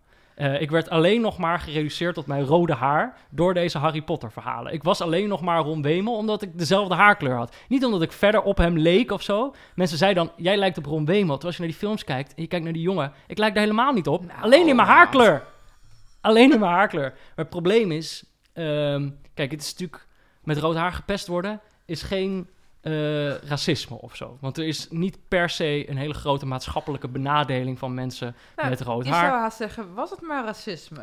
Eh, nou, dan, dan had ik er echt boos over kunnen worden. Ja, Precies. Nu, nu, kijk, ik word natuurlijk niet, ik word verder niet, ik word, ik, ik word niet. eh, het is wel een Ik keuze, heb hè? wel dat, het idee dat dit moment het moment is waarop de podcast niet meer over Harry Potter gaat, maar gewoon, eh, gewoon nu een, een uur lang Nou, he- Peter over, rood over haar. rood haar. Nee, kijk. eh, eh, dus het is, het, is, het is geen werkelijk probleem. Maar het is wel zo dat in heel weinig verhalen eh, eh, iemand zomaar rood haar heeft. Pippi Langkous, Ariel, Kleine Zeemermin. Het is altijd, eh, en in deze Harry Potter boeken vooral, zeg maar, ze zijn, die familie Weemal is al een beetje eh, anders dan de anderen. En hebben ze ook nog eens rood haar. En daar kun je al die Weemals aan herkennen. Ja. Eh, dus het was voor mij in mijn jeugd. Heeft ook op die manier Harry Potter een grote rol gespeeld. In de zin van dat ik gewoon echt, ik denk wel tien jaar lang eh, voor Wemel ben uitgemaakt. En dat dat ook in dit verhaal mensen niet zomaar rood haar hebben. En dat gebeurt in tekenfilms hebben mensen niet zomaar rood haar. In, eh, in films hebben mensen niet zomaar rood haar. Het is altijd, er is al iets met die gast. En hij heeft ook nog rood haar. Jawel. Het, het, het, Ja. gekke is dat, ja, dat- leuk ik, weet dat nog je wel, nou heel speciaal voelt, Peter. Maar volgens mij valt het echt wel mee. ik weet nog wel dat, dat ehm, Ja, maar het valt ook stond, mee. Dat stond het op het punt zo'n nieuwe Harry Potter uit te komen. Het stond er in een of ander Brits tijdschrift zo'n lijstje met alle, ehm, alle mensen die potentieel de verrader zouden kunnen zijn. Dus gewoon Snape en eh nou ja, genoem op. En dan op een gegeven moment, en dan er stond Snape en dan stond er zo'n uitleg bij. En dan stond Ron stond er ook bij en dan stond er bij de zin Never trust a ginger. Ja, en nou, dan dat, ga je al. dat zeggen mijn broer en ik nog steeds tegen elkaar van Never trust a ginger. Ja, dan ga je al. Maar wat, Ja. wat grappig is aan het haar, is dat, dat het haar door J.K. Rowling heel makkelijk wordt ingezet. Een soort van symbool. Kijk Ja. naar Ron, die heeft opvallend rood haar. Het eerste hoe Harry Potter wordt beschreven is dat hij zijn haar zo vaak kan kammen als hij wil, maar dat het altijd gewoon pluizig en door de war blijft zitten. Eh, natuurlijk het eerste wat je te weten krijgt van Hermeline, volgens mij behalve dat ze grote voortanden heeft, is dat ze woest wild haar heeft wat niet controleren valt. Terwijl bijvoorbeeld Draco meteen wordt beschreven als een jongetje met keurig gekamd haar. Ik bedoel, op een bepaalde manier is het natuurlijk ook gewoon het, het eh, ik weet niet of je het het rebelse kind moet noemen, maar gewoon het kind dat het leven niet onder controle heeft. Is het haar een soort van symbool voor? Mhm. Ja, ik denk ook wel dat, dat, dat zij dat veel gebruikt. Maar ik dacht, weet je, eh, laat ik dan gelijk even beginnen met de kritische noot. en ik moet het toch een keer over, over rood haar hebben. Ja. dacht ik, nou, dan is misschien de Harry Potter aflevering. Is wel het Werden- beste moment. eh, we- we- hebben, hier- hebben alle mensen in jouw, in jouw gezin rood haar? Nee, nee, dus eh, mijn zus wel, waardoor mensen altijd gelijk wisten. Kijk, dat vond ik dus wel herkenbaar. Zij wisten altijd gelijk dat wij broer en zus waren. Want er komen twee roodharige kinderen binnenlopen. Ja, nou, die, die, die zullen dan wel bij elkaar horen. Maar mijn, mijn ouders dus allebei niet. Mijn, mijn moeder heeft zwart haar en mijn vader heeft bruin haar. Dus het is, het is ook nog eens heel groot Ja, toeval. je denkt dat je vader braakt. Ja, ja, ja. Nee, dus het is ook nog eens een heel tien groot... mensen weet niet wie zijn echt vader is. Hè? Het is ook nog eens een groot toeval dat wij allebei rood haar hebben. Want eentje, dat, eh, dat, dat kan nog. Maar allebei, dat is wel heel toevallig. Nou ja, in ieder geval, eh, zijn er nog andere onderwerpen die jullie willen aanstippen over het Harry Potter-universum? Ja, eh, eindeloos veel, veel eh, onderwerpen kunnen. Wat, ik... Ja, waar, moeten we beginnen? Wat ik gewoon heel... eh, eh, Willem-Jan Otte heeft een keer een heel mooi essay geschreven over Dumbledore, over Perkamentus. En op een bepaalde manier... Ik heb Ron nooit zo heel interessant gevonden. Eh, Ik heb Hermione altijd wel een heel interessant, tragisch personage gevonden. Nee, maar je identificeer je denk ik ook het meest met Hermione, Nee, niet? ik had Nee, het meer met? Harry gewoon. Ja, Toch wel. ik ben altijd gewoon eh, Frodo. En, En, eh, en- dat ik bedoel, en jij, Peter? Met wie ik me geïdentificeerd had? Ja, ik zeg niks. Poeh. Nou, ik denk inderdaad wel eerder met zo, met zo iemand als eh, Hermione, ja. Ja. En, ehm, maar goed, daaromheen zitten natuurlijk een aantal personages die zeker gaandeweg in het verhaal steeds meer diepte en steeds meer tragiek krijgen. Snape voorop. Mm. Maar natuurlijk ook eh, Dumbledore. En wat, her, wat Willem en Otto schreef in een essay, Harry, heet, Harry is dood, heet het. ehm, is dat, dat J.K. Rowling iets heel bijzonders doet in het geval van Perkamentus. Namelijk, ze weet wijsheid te problematiseren. En het idee in de serie is natuurlijk dat Perkamentus alles snapt en alles doorheeft en een enorm menselijk inzicht heeft. En daarnaast gewoon alles van de wereld weet en alles van de toverwereld weet. En waar het om gaat in het boek eh, is dat hij iets weet. Er moet namelijk iets gebeuren, namelijk Harry moet dood. Dat weet hij van het begin af aan. En dat is natuurlijk precies zo hetgeen dat hij niet tegen Harry kan zeggen. En dat is een heel mooi spel weet dat hij eigenlijk Harry opvoedt. Eh, Snape verwijt hem dat later ook. Op een manier traint hij hem en voedt hij hem op en maakt hij een soort van heroïsche man waarvan hij weet dat hij zichzelf dan uiteindelijk zal moeten opofferen als de tijd voor is. En dat hij dus eigenlijk gewoon een hele tragische, zielige relatie met Harry heeft. Omdat hij ja, eh, van hem houdt, oprecht. En tegelijkertijd hem zijn dood in moet sturen. Ja, als En- een varken voor de slacht of zo. Volgens ja, mij dat, is dat... dat, zegt, eh, dat zegt Snape ook. Van, je, je hebt hem echt als een varken voor de slag heb je hem opgevoed. En ehm, dat ze op, op die manier heel erg laat zien wat een probleem het is om alles te weten. Ehm, en dat vond ik een hele bijzondere extra toevoeging aan het personage van, van Perkamentus. Die daarvoor, zeker in de eerste paar boeken, is Perkamentus een beetje too good to be true. Het is echt gewoon de, de vriendelijke, oude, wijze meneer. Nepotistische. ja, ja, een beetje nepotistisch. Ja. En eh, dus, dus daar zit weinig in. En pas later eh, begint hij heel sneu en traag. Zo, zo Snape natuurlijk ook later pas. In het begin, in, In de eerste paar boeken, is hij Ja, gewoon uitsluitend gemeen. Ja. En pas vanaf het derde boek snap je eh, eigenlijk dat er ook gewoon een hele lange menselijke geschiedenis aan vooraf zit. Ja, dat is dus wel, wel knap volgens mij aan die hele serie. Dat het inderdaad begint als een soort heldere wereld waarvan je gewoon weet van... oh ja, Harry is de held, Snape is de vijand... en er is nog een soort eh, Voldemort die daaromheen eh zweeft. En je hebt Perkamentus, de, de wijze man die alles weet. En dat inderdaad gaandeweg die verhalen...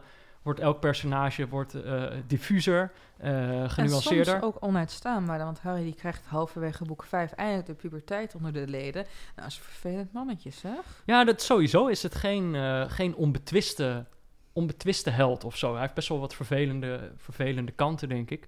Ehm, maar het is wel interessant wat jij zegt, dat er nog steeds dus inderdaad discussies kunnen zijn, bijvoorbeeld over Perkamentus van, is, oké, wat heeft hij gedaan? Want, Mhm. Of nou ja, wat hij gedaan heeft, weet je wel. Maar wat waren de motieven inderdaad? Was het een En is varken het voor de slacht? verantwoord Ja, precies. Ja, Ja, maar wat er bijvoorbeeld ook wordt over Snape, die wordt in de latere verhalen, lijkt dat bijna ook een soort held te worden. Dan heb je ook mensen die echt een soort Snape-fan worden.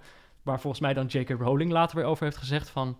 eh, dat zij niet zozeer geprobeerd heeft om, eh, om, om alles goed te praten wat hij doet... maar wel om hem menselijker te ja maken. begrijpelijk te maken. Ja, en dat ik denk dat dat wel een belangrijk onderscheid is met wat er gebeurt met al die personages of zo. Ze worden juist minder... Ja, natuurlijk. Nee, ik bedoel, Snape had ook gewoon aardig kunnen doen tegen Harry, weet je wel? Ik bedoel, Ja. dat, dat natuurlijk. Nee, en, en Dumbledore is, of Perkamentus is op een bepaalde manier het orakel van Delphi, dat je niet vertelt wat je... eh, ehm, dat niet vertelt wat er gaat gebeuren, maar jou vertelt waardoor het gaat gebeuren. Ehm, ja, nou ja, goed. Dat, dat zit er gewoon heel veel in. En je merkt ook wel in, het, in, de, in, de, in de serie, en dat is zo onvermijdelijk iets... eh, naarmate die boeken zeg maar met je mee opgroeien en interessanter worden, dat bijvoorbeeld iemand als Hagrid, die in de eerste twee boeken heel nadrukkelijk aanwezig is, eh, steeds met haar zijlijn verdwijnt. Hagrid is natuurlijk ook gewoon echt... Ja, weet je, de Pino van Ja, de. Pino. ja, echt, echt een heel, heel irritant personage. Eh, eh, waar verder ook geen enkele diepte verder in zit, weet je wel. Eh, en, en verderop in de serie komen dus de andere personages... die krijgen wel steeds meer eh, gevoel en steeds meer diepte. Ja, en ook, ook lang niet iedereen. Iemand als Bellatrix Lestrange. ja, nou, Bella oké, die is gewoon verradig. Ik had wel ja. meer over McGonagall, eh, professor Anderling. Ja. Zou had ik wel meer willen weten eigenlijk. Eh, ik bedoel, sommige personages krijgen nog steeds... Ja, ehm, heb je het idee, valt er ook nog meer over te zeggen. Is wel- wat, zijn, wat is jullie favoriete personage eigenlijk? Ja, we het Meer- er toch over hebben. Oké, ik heb er meerdere. Natuurlijk, eh, kijk, ik, ik, ik, omdat ik me daar ook mee identificeer. Hermelien, Ja. uiteraard. Ik, ik, interviewde een half jaar geleden Nachum Wijnberg. Dichter, heeft een PC Hoofdprijs gekregen. En hij lijkt heel erg op Voldemort. En... eh, Ja, het zal je maar ja, nee, gezegd echt, worden. echt, hij lijkt echt op Voldemort. Ook als hij, hij is professor economie. Als hij dan voor zijn eerste jaar zegt... Oh, dus je weet wel. en eh, ik, ik vond het heel grappig, want mensen zeiden... Oh, dat is net Voldemort en Hermelien samen. Ik dacht van, nou, vond ik me toch wel gevleid. Maar het, personage waar ik het meest om heb gelachen... is in deel 2 Gladiana Smallheart. Oftewel Oh, ja, Lockhart. ja, ja. Oh, dat is Die- die, Heel die fijn oplichter. personage, ja. Ja. zalig. Ook iemand die zijn eigen shampoo-lijn heeft. En zo. Nou, ik Ja, het ja, zo zo'n oplichter. grappig. En hij heeft dan, ik weet niet of die grap ook in de, in de boeken zit, maar in de film zit hij wel. Hij heeft dan een portret van zichzelf. En op dat portret staat hij een portret van zichzelf te schilderen. Ja, ja, ja. Maar nog wel, Hermeline is een paar keer voorbij gekomen. En dat was natuurlijk wel de troost die je als roodharige jongen in Harry Potter kon vinden. Je kon ooit ontmaken.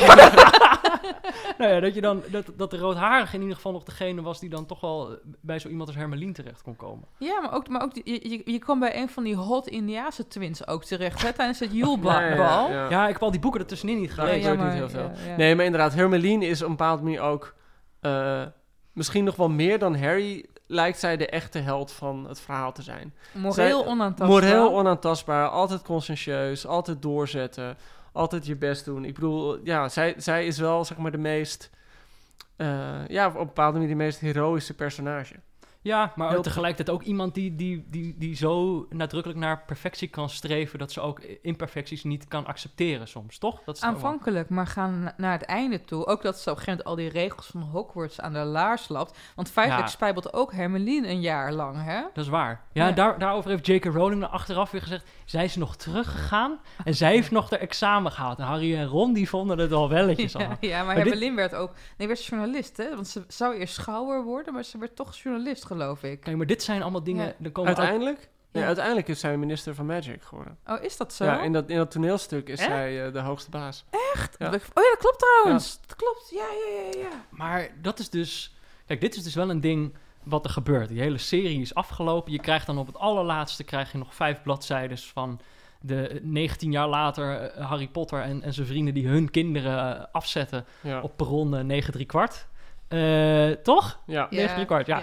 Ehm, ehm, maar er wordt automatisch door dat kleine dingetje, maar ook automatisch wordt gewoon die hele wereld van wat er daarna gebeurt, wordt helemaal ingevuld door de, door de echte Harry Potter fans. Die hele theorieën gaan schrijven, fanfictions gaan schrijven over wat er allemaal met die mensen gebeurt. Maar wat dan het interessante is, is dat J.K. Rowling de interactie aangaat Ja. met die fanfictions. Kijk, en ze schrijft nog steeds verder aan het universum met, die, met de films en met het toneelstuk. Maar zij gaat soms, dan had ze van die Twitter Q&A's en dan zijn er, dan worden haar bepaalde theorieën voorgesteld en dan gaat zij bevestigen of die kloppen of niet. Eh, wat best wel een bizarre Ja, dus dan, situatie toen kwam dus bijvoorbeeld nieuws dat zij zei... Dumbledore uh, Perkamentus was homo Ja. met eh Grindelwald. Ja, of, eh, of bijvoorbeeld eh, dat ze op een gegeven moment dan ook zegt... Het is, eh, in het toneelstuk volgens mij werd Hermeline werd door een zwart meisje gespeeld. Er was toen een hoop discussie over. Maar dat J.K. Rowling zelf ook zei van... Ja, in de boek heb ik nooit over haar huidskleur gesproken. Mhm. Terwijl ze heeft ook nooit gezegd dat ze zwart was, zeg maar. Dus achteraf kleurt zij nog dingen in dat, in dat verhaal in. En gaat zij nog met die fans in gesprek. En het grappige is, toen ik dit zat te lezen... Soms leest zo'n boek zelf bijna als een soort fanfiction van het universum. Alsof zij niet degene is die dit allemaal bedacht heeft. Nee, grappig, alsof het hè? ergens is. Je kan daar uitvallen. Je Ja. kan daar uitvallen ook. Het, het- het- het- het- Star Wars, weet je wel? Ja, ja. Dat, dat is daar ook gebeurd. is niet meer van George niemand leest, maar ja. Elfquest, echt waar? Heb je Elfquest gelezen? Ja, die stripboeken. Zullen wij een podcast Oh mijn god. Ja, maar vanaf... Ik was echt obsessief. Dit is de met Harry Potter. Dit is de. Harry Maar- maar- Potter maar- Ik wist helemaal podcast. niet dat iemand maar- dit kende, behalve na, ik. na, na de eerste 20 delen begon steeds meer op fanfictie van Elfquest ja. te lijken. Ja. Weet je wel, Koningen van het Gebroken Wil, what the fuck? Ja, ja, ja. Maar dat, dat heb je hetzelfde. En dat, dat, dat zei ik ook met, met bijvoorbeeld toen met Game of Thrones, het laatste seizoen. Soms gebeuren er dan dingen. Bij Game of Thrones heb je natuurlijk zo'n eindeloos voorspel. En op een gegeven moment heb je zo'n scène dat inderdaad de Dothraki met de draken de Lannisters te lijf gaan. En op een bepaalde manier, omdat je zo lang naar dat moment hebt zitten hopen dat het op een keer zou gaan. Als het dan gebeurt, is het bijna een soort fanfiction. Dat je bijna denkt, ja, Ja, maar... het is jumping the shark, nou ja, het is niet, niet jumping the shark, maar het is gewoon het moment dat al je, eh, al je, je wensen uitkomen. En dat voelt dan heel onwerkelijk. Ja, het is een En dan soort- voelt het bijna niet kloppen.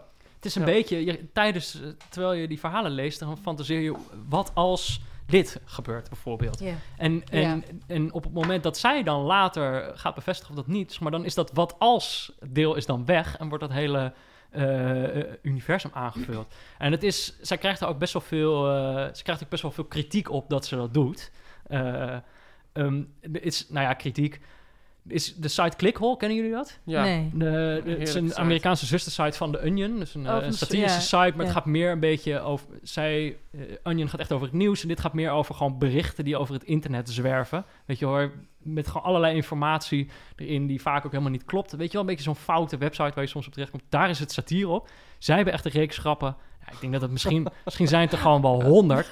Over hoe J.K. Rowling nog steeds haar eh, universum aan het beïnvloeden is. Dus zij heeft op een van die stukken is dat J.K. Rowling bevestigt dat eh, de Dementors bevest of de Dementors gebaseerd zijn op Italianen.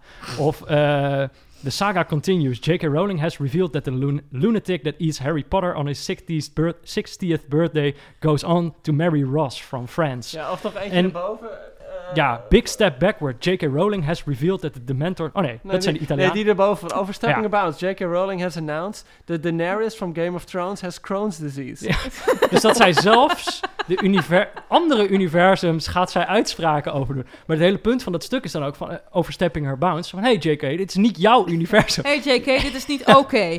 Maar, ehm, dus het is, ik, het is wel interessant. Ik probeer te bedenken of je zeg maar, eh, of je dat het vaker botst, ziet. Het botst met, het, met de aloude opvatting dat het werk los van de auteur moet staan. Weet je wel, maar tegelijkertijd zij is de eeuwige bron.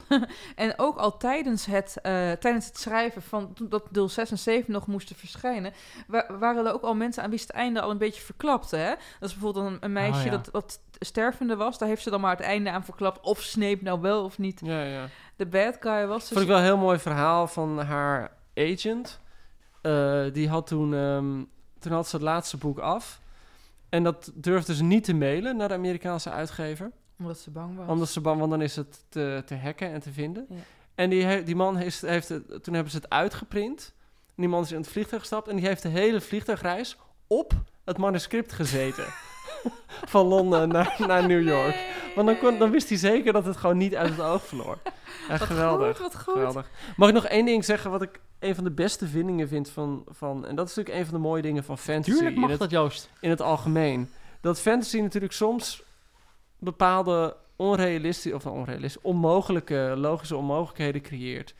Die een soort van dilemma opwerpen die je anders niet kunt ehm, bedenken. Ja. Eh, Borges noemde dat fictiones. En dan had hij mee dat je eigenlijk iets, iets onredelijks gebruikt om iets heel redelijks aan te kaarten. Ja. En wat ik een van de mooiste dingen vind van, van Rowling zit in het eerste boek meteen. In het Nederlands heet het De Spiegel van Negerep. Neregeb. Oh ja. Neregeb. Neregeb. Ja, want het is Neregeb. begeren Oh ja, omgekeerd. ja, ja. Oh ja. En dat is een spiegel waarin je kijkt eh, en als je, dan zie je jezelf op je meest gelukkig. Dat is zo'n fascinerend idee, om, omdat het zo'n dilemma dat het? opwerpt Is van... het niet dat je... Je ziet dan toch wat je het meest begeert? Ja. Ja, ja, maar, Maar dus eigenlijk dus op je geluk. Dus Ja. Harry ziet zichzelf met zijn ouders. Inderdaad, wat je het meest begeert. Dumbledore ziet zichzelf met sokken in zijn handen. Zegt hij. Ja, zegt, hij, ja. Zegt hij. Want eigenlijk ziet hij hem gewoon met, eh, met Grindelwald in Grindelwald. In zijn sok.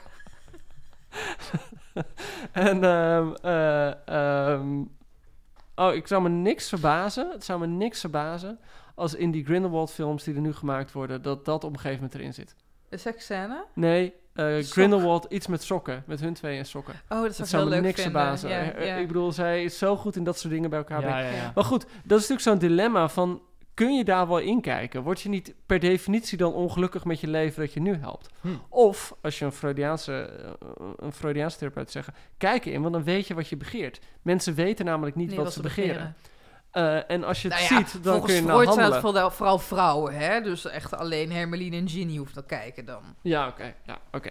Ehm, dus, dus, nou, ik weet niet. Dat, dat vind ik van die zulke goede vindingen. Ja, ja. Ja, maar Eh, dat zit sowieso, ik vind dat sowieso... Kijk, in dat eerste boek is het, echt, nog- is het nog helemaal niet zo eh dens. Nog niet zo dicht met allemaal van die vondsten of zo. Dat universum is, begint pas net. Maar het laatste boek, joh, dan is echt... eh, in, in elke alinea zit wel weer zo'n vondst of zo. En dan, Nee, en dan soms alludeert ze er alleen aan. Ik had wel bij het laatste boek, als er dan een noot van kritiek moeten zijn... Wat de regisseurs heel goed hebben gedaan, is van het laatste boek twee films maken. En dat had ze met het laatste boek ook moeten doen. ja. Dat, dat, dat laatste boek zit te vol op een of andere manier. En, En er komt soms- zoveel... Die hele mythe van de, van de wat is De het? drie de, broers. de drie broers. Ja. eh, komt Ja, een ja, beetje uit de lucht vallen of zo. Terwijl, dat, terwijl je eigenlijk idee dat die mythe van die drie broers... had al veel eerder aan bod moeten komen als dat zo... eh, dat, dat, maar goed, misschien zeg ik het ook omdat ik heel graag nog een boek zou willen hebben gehad. Ja, ja het is... ehm, Ik vond dat laatste deel trouwens ook niet smetteloos, jongens. En er zijn een paar dingen dat ik gewoon echt, die ik zo ongeloofwaardig vond. Dat heb je op een gegeven moment... Kom maar eh, op. nou, dan heb je, dan heb je Bellatrix Vendetta of Bellatrix Lestrange. En die wordt doodgemaakt door Molly Wemel. ja. Ja, dat is dan... als- Geloof ik niet. dat- precies, ik vind dat ook iets, dan iets te veel je lezers aan het pleasen. Ja, precies. En, en een implicatie dat je dan uit moederliefde alles kan. Maar die Vendetta, dat is dan wel... Dat is een, dat is een psychopaat, jongen. Dat is Jeffrey Dahmer meets Ted Bundy... meets alles wat George Lucas aan vijanden heeft Ja, gecreëerd. maar dat het is, is ook gewoon een- echt het Darth hangt- Vader to the max. Maar het hangt Dat ook is een samen... atoombom met zwart haar. Ik ga gewoon door. Dus Maar- danger, danger, high voltage. het houdt niet op. En dan heb je Molly van... Ik heb een toverstaf en rood haar. Sorry, Peter. Ja. en boem, daar gaat ze. Ja, maar het is tegelijkertijd zit er volgens mij in die scène zit ook iets wat, wat de is- hele tijd wordt gezegd, is dat Voldemort en Bella, Ja. Bellatrix onderschatten ook constant Het is dat hubris dat ze doodgaat. Ja, wordt ja, wordt dat ook wel gezegd, maar ja. dat wil niet zeggen dat ik het alsnog geloof. Nee, nee, nee, er zit, er zit wat in. Ik, Nee, maar ik ben met je eens, dat, dat is een beetje zo'n fan, zo'n fanfiction moment. Ja, ik Ik denk, dacht van, ja, oh, ik moet ook nog even die moeder even iets stofs laten doen. Ja. gerechtigheid. Daar smullen wij van. Maar Ja. er zit ook heel veel, hoe zeg je dat? Onrecht zit er ook in. Ja, want, die- die- Teddy Tonks, de zoon van Lupus en eh, gewoon de, eh, Delphine, hoe heet ze nou? Nymphadora Tonks. Ja. Die blijft achter als wees, net zoals Harry. Mhm. En ehm, het, het is ook grappig, want, want ehm, kijk, eh, we zeggen allemaal dat George R. Martin van Game of Thrones de grote seriemoordenaar is onder de letteren, maar J.K. Rowling kan er ook wat van. Er, gaat, er worden Ja. wat afgestorven, zeg in die reeks. Wat vonden jullie het ergste? Goh, jongens, nou, ik... Ik de uil. Ja? Oké, oké. Ja, Nou, maar dat is de eerste die doodgaat in dat zevende boek. Ja. Dat was een van die dingen volgens mij toen ik met mijn vrienden dan naar school fietste. Dat dan een van die vrienden al zei, er gaat iemand dood. Nee, Ja. die zei dat dan nog niet. Zei, dit is heel erg. En dan gingen ze op later en dan kwam je uiteindelijk bij, bij Hedwig. Dat was ik weet nog dat ik echt met zo'n ijzeren discipline lag. Zodat ik niet vooruit mocht bladeren. Dat ik niet mocht kijken van mezelf hoe de Hm. hoofdstuktitels heten. Ik weet nog dat ik dat laatste deel, zo- of een van die eerdere delen, toen studeerde ik. En ik had het boek gekocht s'avonds. En toen had ik smiddags een borrel. En toen kwam ik thuis. Was ik, ik wilde zo graag verder lezen in het boek. Maar ik was ook gewoon dronken. en, en toen wist ik van, als ik nu ga lezen, dan ga ik het niet meekrijgen. Toen heb ik echt, en ik dronk nooit koffie. Toen heb ik echt gewoon hele zwarte koffie gezet. En gewoon koffie gedronken. Wanhopige poging om nuchter te worden. Want uiteindelijk was ik om, om zeg maar half twaalf s'avonds was ik weer helemaal nuchter. Maar toen had ik zoveel koffie gedronken dat ik toen dat hele boek s'nachts heb uitgelezen. Dat ik toch niet kon slapen. ja, nee, nee. Dat is wat Harry Potter met je doet. En maar wat ik ook heb, en ik weet dat, dat jij, eh, Ellen en ik daar volgens mij van mening over verschillen. Ik vind bijvoorbeeld dat vijfde deel, wat voor iedereen gezien wordt als het zwakste deel, is een van mijn lievelingsdelen. Nee, dat wil niet zeggen dat je, dat, dat Dat- je smaak hebt. is dat? Maar dat is zeg maar een deel dat gewoon te lang is en een, een soort van, het, het plot komt niet heel duidelijk naar voren. Het is wel het deel dat Harry voor het eerst een vriendinnetje heeft. Het is ook de- het deel waarin zeg maar eh, die, die, die Wizards World, die, die tovenaarswereld, soort van tegen elkaar op wordt gezet. Eh, het is wel een heel essentieel deel in het verhaal, maar ik vond het ook een heel fijn deel. Het is gewoon lekker lang. En misschien was het ook wel omdat ik op een gegeven moment met dit soort series kom je op, het moment, op een punt uit dat je ook gewoon niet zo heel veel meer interesseert wat er nou gebeurt. Je hebt een, een, een volgens mij was het Anthony Lane, maar het kan ook een andere criticus zijn van de New Yorker, die lanceerde een keer de, de film eh, Hangout Movies. En dat zijn films die je niet per se kijkt voor het plot of wat er gebeurt, maar gewoon omdat de mensen die erin zitten gewoon, daar wil je bij in de buurt zijn. Ja, ja, ja. En dat is Oh, eigenlijk wat een beetje in met Eh, het... eh, met en het- welke films noemt The Breakfast Club waarschijnlijk? nou, hij, hij noemt bijvoorbeeld Pulp Fiction ook. En Oh, ja. eh, dat, dat van, oh, je wil ze gewoon horen praten, wat er gebeurt, doet er verder niet zo toe. Wa- wa- wat zijn jullie hangout movies? Even heel snel. Nou ja, heel snel. Bijvoorbeeld die, die Marvel-films, die superheldfilms. Het boeit inmiddels ook niet zo heel veel meer wat er gebeurt. Maar het zijn gewoon grappige personages om in de buurt te hebben. Kennen jullie Scott Pilgrim versus Ja, the World? Scott Pilgrim. Oh my god, ik Maar wou dat mijn heb, possie ik, ik heb was. het bijvoorbeeld ook met eh, Le Grande Bellezza van Paolo Sorrentino. Dat is gewoon zo'n heerlijke, Eh, heerlijke mensen om naar te kijken. Maar nu we, Ik toch, een nu we het toch hebben over, over mensen met wie je zou willen rondhangen, toch wil ik toch nu beginnen met de rubriek De Sorteerhoed. Oeh, ja. ik dacht, het is leuk als we ehm, e- elkaar gaan indelen bij, de, eh, bij een van de vier verschillende huizen van Zwijnstein. Wat ik even op een rijtje gezet. En daarna zeggen we welke we zelf of zo. Ja, precies. ja, ja, Het- ja, dat gesprek, dat-. Ik, ik vermoed dat dat vanzelf wel loskomt. Het Gryffindor, dat gaat echt om durf, moed en ridderlijkheid. Heb ik opgezocht. Het stond op de Wikipedia van Gryffindor. Dus, eh, Biased, biased. Zwa Zwadderig gaat om sluwheid en trots. Ik vind Zwadderig vind ik altijd een beetje raar. Het lijkt per definitie al slecht. Ik dacht als Ja. kind altijd, waarom zou je daarbij willen? Moet zeggen dat nu de wereld wel zo veranderd is dat ik denk, die mensen zitten gewoon bij Zwadderig. Nee, die zitten door. bij de overheid. Ja, nou, kan ook. In ieder geval. En dan heb je nog Hufflepuff. Dat zijn de, de harde werkers, eh, geduld en trouw. Ik las ook ergens de, het ding dat, dat dat gewoon de stoners zijn. Ja, de minions. Dat zijn de minions. Ja, die zijn, dat zijn gewoon de mensen die lekker een beetje blowen en het allemaal wel prima vinden. Eh, en dan had je nog Ravenclaw, dat zijn de nerds. Ja. Toch? Maar er schijnt ook creativiteit en zo, dat soort dingen schijnen er ook wel in te zitten. Met, zullen- met wie zullen we beginnen?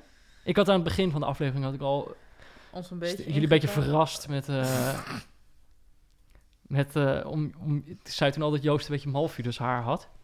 En met Joost beginnen? Ja. Waar zou jij Joost indelen?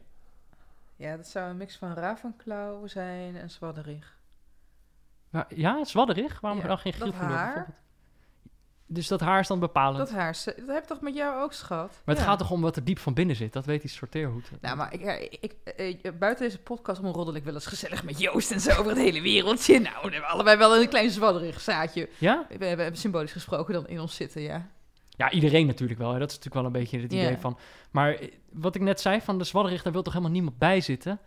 Of is Nou dat dan te veel? Ik weet niet hoor, als je, eh, je leert wel allemaal lekkere sneaky... Het zijn eigenlijk een beetje de, eh, de conservatievelingen of zo, toch? Het zijn een beetje de conservatieve. Ja, dat, nou, wat Ellen net van tevoren zei, het is een beetje het Forum voor Democratie. eh, Ja, het is de jeugdafdeling van Forum van Democratie eigenlijk. Of, of, wat Ellen ook zei, de Hitlerjugend. Dat kan ook nog. het gaat natuurlijk wel echt om puur bloed, het doel heiligt de middelen. Ja, eh, oude families, old boys network, netwerk, netwerk. ja. dus nou ja, ik weet niet. Ik weet niet of ik Maar nu maar nu- bij... Ik heb het, maar ik zeg toch Ravenclaw met een snifje zwadderig. Maar dan, maar dan gaat hij dus naar Ravenclaw. Ja, Omdat hij, omdat hij van lezen houdt. is, ja. is maar uiteindelijk komt dan uiteindelijk iedereen die echt heel veel van lezen houdt, komt dan toch gewoon met lezen van deze boeken houdt. Of zouden die dan toch van zichzelf denken dat ze Gryffindors zijn? de- maar het is wel gewoon dat al kijk je naar, naar wat de vier huizen hebben en wat erbij. Wat voor omschrijvingen erbij passen, dan mis je ook wel heel veel dingen. Je mist bijvoorbeeld joie de vivre. Waarom is er geen huis waar joie de vivre? mee- waar waar, Ja, ja, waar heb je niet een het huis huis van waarin Chanel wat, ja, wat, wat talent eh, of, of eh, stijl of, of humor of ik. Ik bedoel, het is allemaal wel heel erg. Ik weet niet, ik vind het, ik vind het een beetje. Ik, ik Waar ben zou je jezelf indelen, Joost? Maar Het is zo heel moeilijk om aan iemand te vragen en dan dat die persoon niet eh Gryffindor noemt. Nou, maar wees Nou, maar, wees Want, maar- want wees maar natuurlijk denk je, ja, oké, ik durf, ik, ik kom wel op voor mijn vrienden en ik, ik, eh, ik heb een zekere ridderlijkheid. En ik durf, natuurlijk, ja, maar tegelijkertijd, ja, ik, sluwheid snap ik ook wel gewoon, weet je wel. En ik werk ook wel hard. En, en ik heb niet altijd geduld, eh, als ik nu bij Hufflepuff kijk, maar ik kan wel soms trouw zijn. En, eh, Hallo, vriendin van Ja. Joost. Ja. Ja, maar Soms. Eh, en de Ravenclaw, ja, de nerd, dat snap ik. Dus ik weet niet, ik, ik, ik, ik, heb, ik zou de sortierhoed echt nodig hebben. Maar jij, Gryffindor zeg je eigenlijk over jezelf. Ja, eigenlijk zeg ik even door. Ja. Oké, over naar Peter. Wat zouden we, waar zouden we Peter indelen? ja, ik denk toch een beetje. Maar dat is. Ja, ik. ik, ik ja, ik- Nou, ik vind, om, om dan over mezelf te beginnen. Ja. Ik vind bijvoorbeeld wat Joost zegt, zo van... Ik zou mezelf bijvoorbeeld niet zo gauw een Gryffindor noemen. Als je al die dingen leest die Harry allemaal doet... en de, en de moed die hij daadwerkelijk heeft... ik lees dat wel eens en denk, nou, Ja, maar, ik maar- zou het niet doen. Dus hij is goed. Maar Hermelien, kijk naar Hermelien, die zit ook in Gryffindor. En Ja. die doet ook die dingen wel met heel veel protest en tegenzin. Maar uit een soort van loyaliteit aan hun vrienden ja, doet ze het toch. er is een theorie dat zij alle drie... Kijk, dat Ron eigenlijk een Hufflepuff is. Dat Hermelien Ja, eigenlijk een, een eh, ravenklauw is. een- eigenlijk een raafklauw is... en Harry eigenlijk een zwadderig is. Ja. Maar dat, doordat zij de keuze maken om een Gryffindor te zijn... zijn zij Ja, een maar dat is natuurlijk ook gewoon, da- daar gaat die hele sorteerroute om. Hij Want legt het je Harry voor, maar je mag keuze. kiezen. Je krijgt de keuze. Ja, En hij kiest dus voor het goede, zeg maar. Hij had ook, eh, in- als hij deel 1 eh eh Zwadderig had eh, gekozen... en het verhaal had zich zo verder ontwikkeld... dan was in deel 4 gewoon eh, Voldemort teruggekeerd... met Harry als rechterhand. ja. En eh, dat had, het, had, het- had het boek heel anders... eh, Ben je nou fanfiction aan het schrijven? ja, eigenlijk ik- zou ik dat moeten Ik zou, maar ik zou mezelf echt gewoon bij Ravenklauw indelen. Ik zou het ook wel fijn Ja, vinden. Dan ik zit zou je niet, ook bij niet, Ravenklauw indelen. niet helemaal in die hoek waar de klappen vallen. Dat vind ik ook wel prettig. Dat je een beetje langs de zijlijn gewoon een boek zit te lezen. Ja. Terwijl de school in de fik staat. Ellen?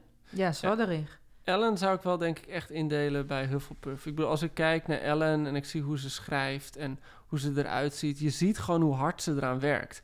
Weet je wel? En eh, dus. nee, ik zou Ellen. ehm, ik zou Ellen.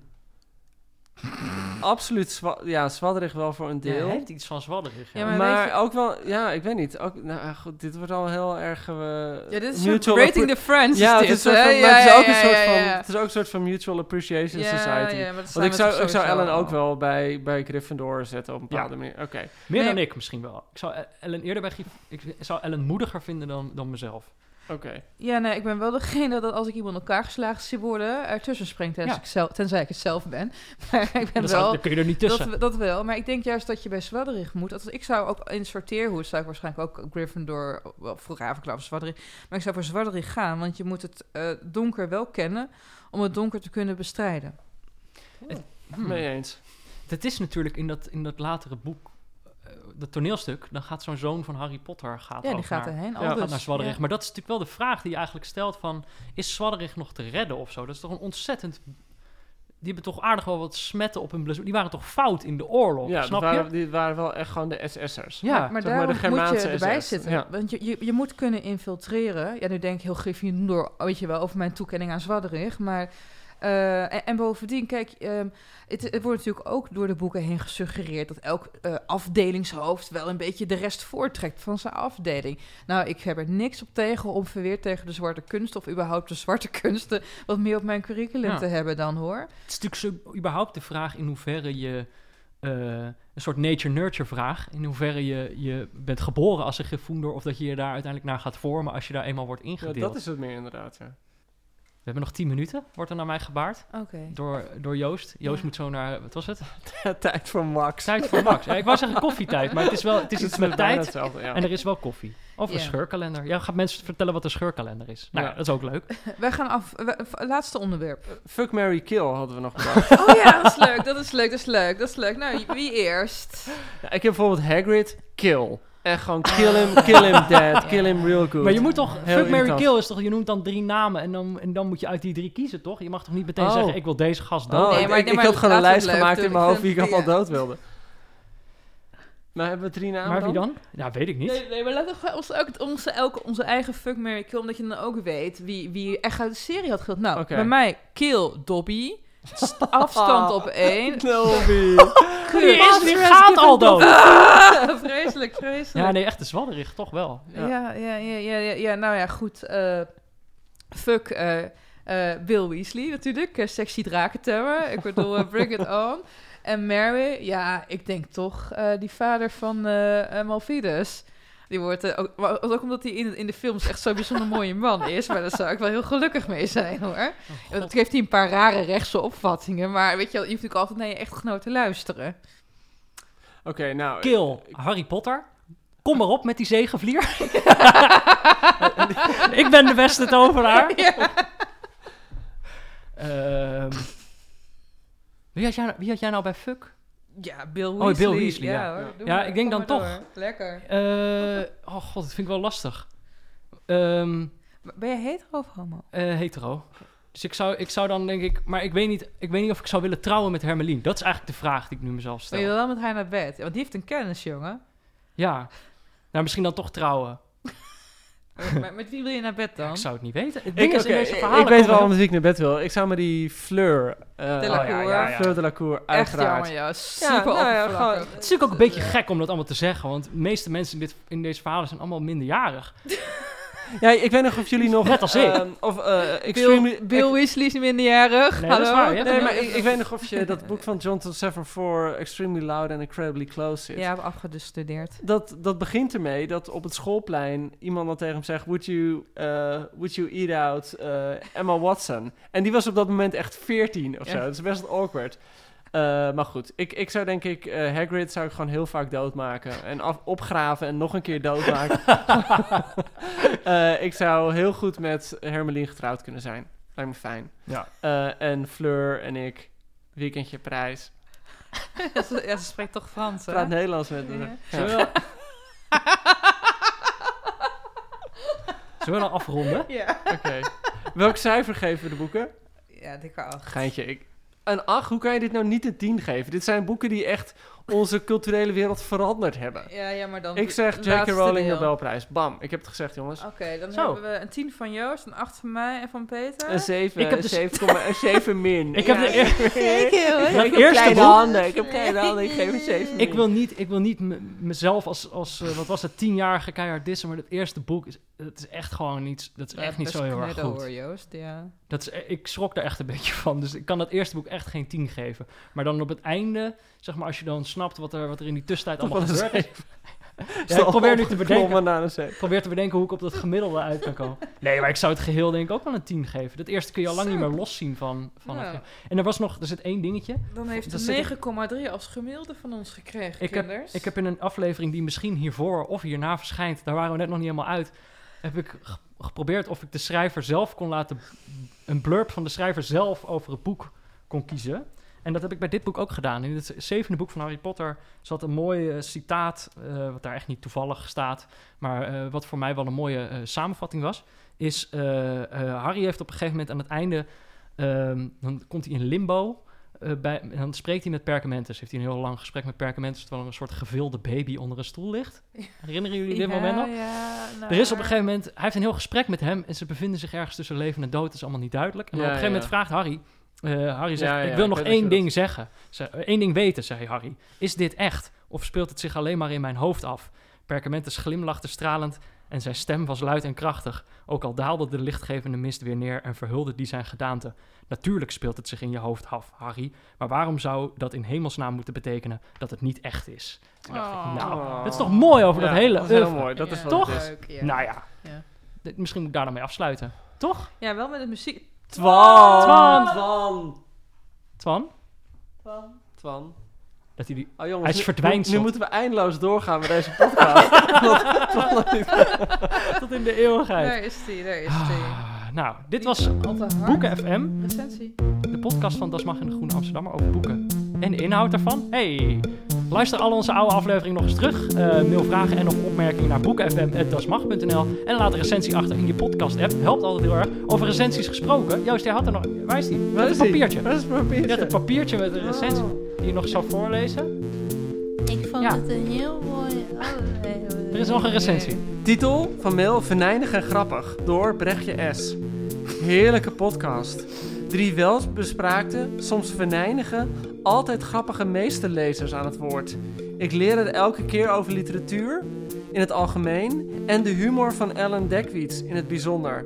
Ah, Nou, nu een keer. Hoeveel mail- Eh, het staat er niet bij. Het- dit is wat het is. ja, ik ben Maar denk te toch vijf. een beetje de Jonathan van Ness als dit queer guy was, toch? Jullie kijken het niet, Nee, ik het uit. niet. Nee, Ja, inderdaad. het Ik- was ik leuk, zeg jongens. Dank je, dank je wel trouwens, hey, Brechtje. en Super tof. Tot volgend jaar. Fijne Ja. feestdagen allemaal. Gelukkig Fijn- nieuwjaar. Ja. Ja. En dan zijn we weer terug. Volgend jaar en zijn we nog urgenter. Nog urgenter. Ja, dat is een goed voornemen. Maar wel gezellig. Hey, eh, dankjewel Ellen. Dankjewel, Peter. Dankjewel Joost. Dankjewel Peter, dankjewel Ellen. Dankjewel, Doei, Joost. doei, doei, doei.